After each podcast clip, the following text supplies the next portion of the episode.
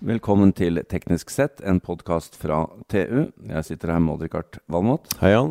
Hei, Odd-Rikard. Og mitt navn er Jan Moberg. Og, og akkurat i dag eh, på denne her, Odd-Rikard, kan jeg ikke si at jeg er sjef i TU, for at eh, en av sjefene mine sitter og hører på. Ja, så du er NK her i Nå er jeg lokalet? lakei. Ja. Nå er det du og jeg mot uh, sjefene. Ja. Men vi er fortsatt på, på Svalbard, og vi sitter er på et møterom på Unis. Ja. Verdens uh, Odd-Rikard nordligste. Eh, Det er vel ikke et universitet, men det er jo en uh, av, avdeling av uh, Det hit folk kommer og gjør arktisk forskning og undervisning. Og grunnen til at vi er her, er at vi skal eh, snakke med en kar. Og bakgrunnen er litt at vi har gått rundt her i Longyearbyen nå et par dager og sett på alle bygninger som står på stolper og perler. Mm. Og da, da du var her i ungdommen for eh, Da- 40 da, år siden Da sto vi også på stolper, men da sto alle på trestolper. Ja, nå er det mye, er det mye stål. Ja. Ja. Men det fins ikke en grunnmur her. Nei, det er det ikke. Nei.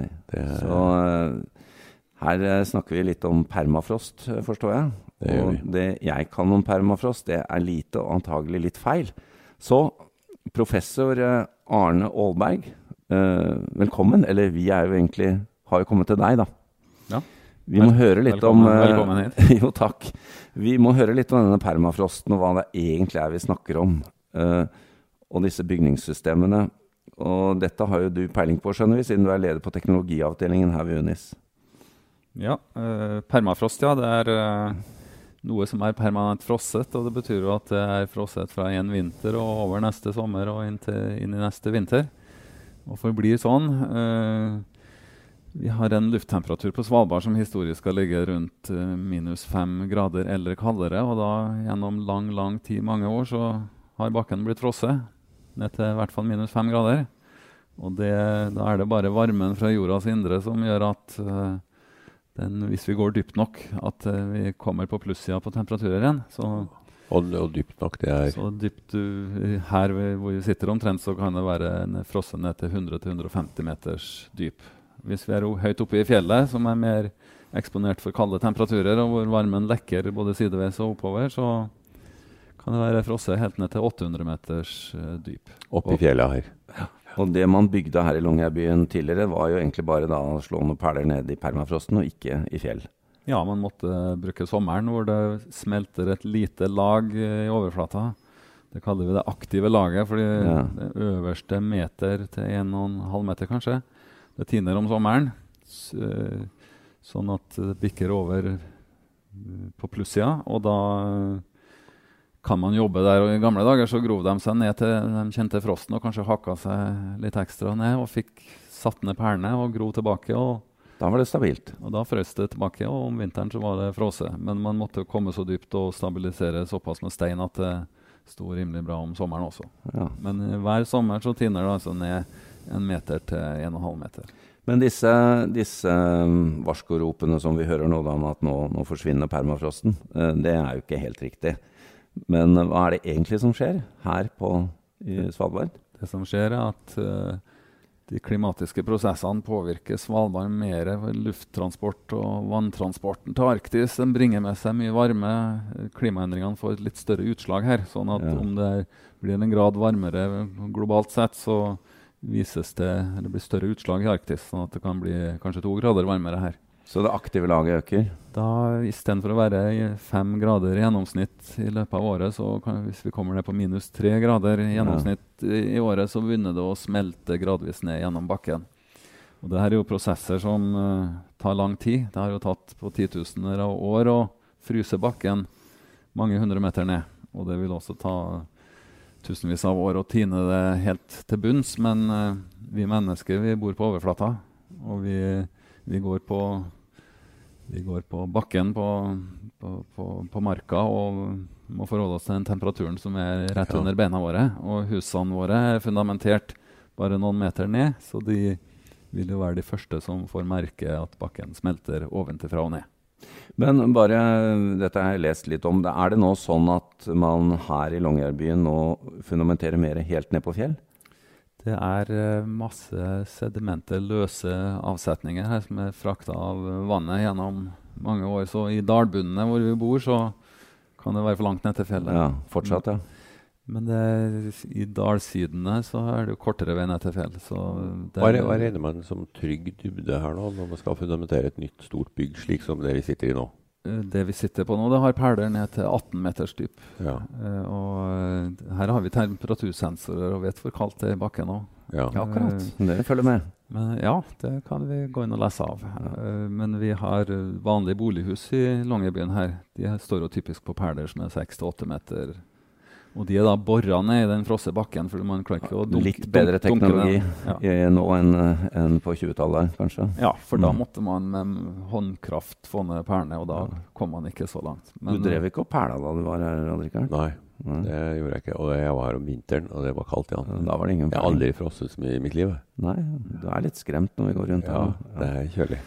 Arne, det vi har snakket om nå er jo i høyeste grad innenfor området arktisk teknologi. Men eh, som eh, leder for eh, teknologiavdelingen her oppe, så driver dere med mye annet òg enn en det vi nettopp har snakket om. Ja, vi, vi, tar, vi tar jo for oss alt som har med eh, miljølaster og klimabelastning på, på det vi mennesker utfører, arktisk infrastruktur. Eh, og det kan jo være ting til lands og ting til havs. Så vi underviser i is og vann og bølger og krefter fra, i, på havet og i kystsonen. Men eh, vi tar også for oss landsida med geoteknikk og jord og, og frost. Ja, og det, det her blir jo veldig aktuelt i norske forhold når vi ser på aktivitet i Barentshavet og virksomhet i kalde områder, både i Arktis og Antarktis. At det, det er jo et, et fantastisk laboratorium her oppe. Ja, det, vi må jo for å kunne forske og vite hva slags belastninger vi får fra is og isfjell og, og knusingssoner i is, flerårsis, så må vi jo ut og måle. Og Ja. da må vi til Arktis og måle. Mm. På, I Antarktis så har vi jo ikke noe særlig sivilisasjon, så det er lettere å forholde seg, dra lærdom i Arktis. Ja. Men da i eh, kall det ta litt store ord, men i global sammenheng så har da dette miljøet her i, i Longyearbyen blitt en hub det, da, for arktisk teknologiforskning og Ja, fordi det er den nordligste plassen du kan komme med å sette deg på et rutefly og reise til en by. Mm. for å studere hva som foregår. Svalbard ja, det er desidert, og Longyearbyen er det desidert nordligste punktet. Vi så jo det på, eh, på eh, oversikten over hvem du har eh, som du jobber sammen med. Det var, det var eh, flest ikke-nordmenn, for å si det mildt. Det var mange, mange nasjonaliteter som vil til Svalbard for, for å drive sin forskning med fokus på det arktiske. Ja. Det gjelder enten det er is eller jord eller, eller miljøgifter og deteksjon av eh, tiltransporterte gifter fra havet og i lufta. Nå har jo vi, Odd Rikard og jeg, nettopp vært, eh, deltatt på en konferanse om, eh, om droner. Og eh, droner er jo så mangt, men jeg har skjønt at eh, det er også en sentral del av arbeidet deres. Med sensorikk og overvåkning og hvordan, hvordan bruker dere det i, i arbeidet deres? Ja, vi er jo interessert i eh, havstrømmer og saltinnhold, for det har jo betydning for isen vår, og eh, temperaturer. Så vi må operere under is eh, på store dyp, og vi er også interessert i å ta miljøprøver fra lufta høyt opp i atmosfæren og i veldig, veldig på utsatte eh, klima. Da. Så det er jo kaldt og frossent og utilgjengelig, det er ikke veier her, så det å kunne bruke fjernstyrte instrumenter og drive med å monitorere eh, tilstander fra avstand. Sette ut instrumenter, laste ned data. Det har stor viktighet for å kunne drive den forskninga og den, også den undervisninga vi gjør. Ja, for her, her kommer dere jo inn på å kunne gjøre ting som dere ellers kanskje ikke heller kunne gjort. Ja, eh, få til ting som vi ikke kan gjøre pga. at klimaet er såpass krevende som det er. Ja. Og eh, i- innhente uforstyrrede prøver. Drive Mm. lange måleserier har stor betydning når man skal uttale seg om hva som skjer i Arktis. Og da er det glimrende å kunne gjøre det med, med robotikk da, og, og instrumenter. Og med å sette så lite miljøavtrykk som mulig. For man kan ikke drive og reise rundt Svalbard og på, til isen eh, på, på Nordpolen. Stadig vekk. Man må kunne ta målinger på en litt mer skånsom måte. Ja, det er en balanse mellom satellittdata og bakkeinnhenta data. Dere har vel også en del kompetanse på radioteknikk da, for å få inn data? Ja. Eller innsamling? Det er korrekt. Vi, men det, uansett hva vi kan samle inn av data om å gjøre målinger og registreringer fra avstand, så må vi ut for å se at det vi gjør, er riktig.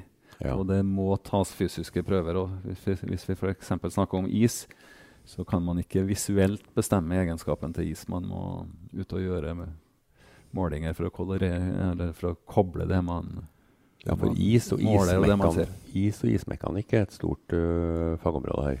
Ja, is det er jo viktig for alle konstruksjoner vi har i kystsonen, og alt vi gjør offshore. Ja. Og veldig viktig for skipstrafikk og navigasjon. Mm. Ja, det er, eh, for det lurte jeg litt på uh, under denne samtalen. Blir altså manuell fysisk observasjon overflødig? Nei, det er ganske så sikkert at desto bedre datamodeller og tettere overvåkningsprogram vi har, desto viktigere er det å sjekke kvaliteten på dem. Ja, så det, det, å ha, det, å faktisk ha den fysiske kjennskapen og det å ha kjent på kulda og, og, og, tatt på isen, blir fortsatt viktig? Ja, og det er en veldig stor påkjenning på instrumenter og fartøy det å operere i Arktis. Så det krever at man uh, følger med og, og gjør stikkprøvekontroller og ser at man det man måler, er det som uh, virkelig foregår. Mm. Du, dere jobber også en del med sånn kysterosjon? Kysterosjon det er et forskningsområde, har vært et forskningsområde, og det har det en ganske stor internasjonal fokus på. Det er et problem i, i Arktis. Eh, Norge, Russland, Canada. Eh, blir det varmere klima og mindre islagt hav, så spiser havet mer av kystene. Ja, det har vel bokstavelig talt skjedd her. Ja. Hytter må flyttes. Det er synlig eh, fordi at uh, i områder hvor vi har infrastruktur nær kysten, så har vi tilfeller her hvor uh, man har måttet gjort tiltak. Flytta ja. hytter til trygg mm. grunn og sik sikre vei. Når det er is, så demper den erosjonen på land, bortsett fra akkurat når den drar med seg installasjoner. Ja, et islagt hav om vinteren, som var mer regelen tidligere her, da, ja. lokalt rundt Longyearbyen, det beskytta jo mot kysterosjon. Da, da suste jo vinden over uh, isen, ja. Ja, Og bølgene fikk ingenting å skvalpe mot. Mm. Uh, vi må snakke litt om uh, havstigning, for dette er jo akkurat inne på nå, med havstigning og mindre is, mer erosjon. Men det finnes jo deler av verden som ikke nyter godt av landstigning, eller landhevning. Ja, det er avhengig av om du har hatt istid eller ikke. Hvis landet har vært trykt ned av isen, så driver det fortsatt og løfter seg. og Er man i en heldig sone hvor landstigninga er lik eh, havstigningen. havstigningen Havet stiger jo pga. temperaturen i havet mm. øker, men også litt til dels pga. at isbreene smelter. Mm. Så, men uh, i Norge så har vi kanskje vært heldige. Vi, havet stiger, men landet løfter seg. Landhevingen er fortsatt i gang. Og det gjør det vel her også? Det er en liten landstigning på Svalbard òg, ja. Det er vel ikke mange millimeter i året? Nei, det er, eh, og det der er det folk som kan bedre enn meg, men det er en uh, liten landstigning, noen millimeter. Ja, Så det blir mer Svalbard år for år? Ja, det er litt avhengig av hvordan havet utvikler seg. Da, ja. det, det, er derfor vi må holde på å måle her. Mm. Uh, det er veldig mye instrumentering på, på geodesi-sida for å finne ut av det her. Vi har målestasjoner i Ny-Ålesund og du, store vi. Når vi ser ut av vinduet her, så ser vi jo det nakne fjellet, og du ser jo de sedimentære lagene. Det må jo være en drøm for geologer å være oppe her? Det er veldig populært å studere geologi på Svalbard, og vi har jo også spennende funn fra, med fossiler og fra urgammel tid. Ja. Svalbard kommer jo driftende fra ekvator. Ja. Stammer fra et område ved akvator og finner fossiler fra den tida ja, vi har, i berggrunnen. Vi har vel et av de største fiskeøglefunnene i verden uh, her. Ja. De der kommentarene dine der Richard, er jo mer ut fra følelsen i eget hjerte enn egentlig et spørsmål til uh, Arne. Det er vel det. det, er vel det. ja. Det blir litt utenom mitt felt. Vi holder på med, med materialene jord og is og, og vann og frost. Vi må gå inn for uh, landing. Jeg tenkte, det er jo utrolig mye spennende her, og dette høres jo mer ut som ingeniørdisipliner enn bare naturfag, det dere holder på med. Det er jo spennende for oss også. Det er det. det er klart det. Men vi, vi, vi tenkte å høre litt, for det er noen betraktninger rundt det. Da, dette med å drive aktivitet på Svalbard. Uh, det er et attraktivt sted å komme til, men samtidig eh, så har du vært inne på, Arne, at det er ikke alt vi kan gjøre her, fordi det blir jo et ganske stort klimaavtrykk da, å flytte alle aktiviteter opp her. Ja, det er kostbart og det er miljøbelastende å bo på Svalbard. og uh, I universitetssenteret her så er vi jo klar på det at alt vi gjør her, skal vi gjøre fordi det må gjøres på Svalbard. Ja. De studentene vi trekker hit, de skal drive forskning på Svalbard og det arktiske. Og det vi like gjerne kunne gjort et annet sted, det skal vi gjøre et, Gjøre annet, et annet sted. For å ikke belaste miljøet med vår aktivitet, men også med det CO2-avtrykket vi produserer ved at vi er på et såpass avsidesliggende sted. Vi har jo hørt det, Richard, at det å gjøre aktivitetene her per, per hode er syv ganger mer eh, CO2-uvennlig Ja. eller belastende Ja. enn en på fastlandet. Så det er best at vi Ja, kommer, oss, kommer oss hjem nå. Altså, man må få masse varer oppover, og søpla må fraktes ned. Ja. Og det er mye transport her. Dette er noe av de mest klimauvennlige podkastene vi har lagd. Ja, det er det. Nå har jeg med batterier fra fastlandet. Fra fastlandet, ja. Det kan jo, Det går ikke på kullkraft. det kan jo forhåpentligvis sørge Det vi lærer her, kan jo være med å utvikle industri og produkt, eh, produksjon på fastlandet. Og det vi lærer her, er jo et veldig røft klima. Ja. Det kan gi oss verdifull data, verdifulle data og informasjon om hvordan vi skal bygge tryggere og bedre også på fastlandet. Ja. Så det kan, eh, kan bli et godt regnestykke til slutt. Ja, vi mener at Ja. uh, forskninga her og undervisninga gjør nytte for seg. Og vi leverer jo kandidater som er eksperter på det arktiske. Og vi har jo vinter og snø og, Mm. Og is i Norge òg. Arne Aalberg, vi får eh, takke eh, for oss eh, for denne gang. Takk skal du ha. vi pleier jo å si Odd at vi kan hende vi kommer innom igjen. Det kan være. Takk til dere. Takk. Hei.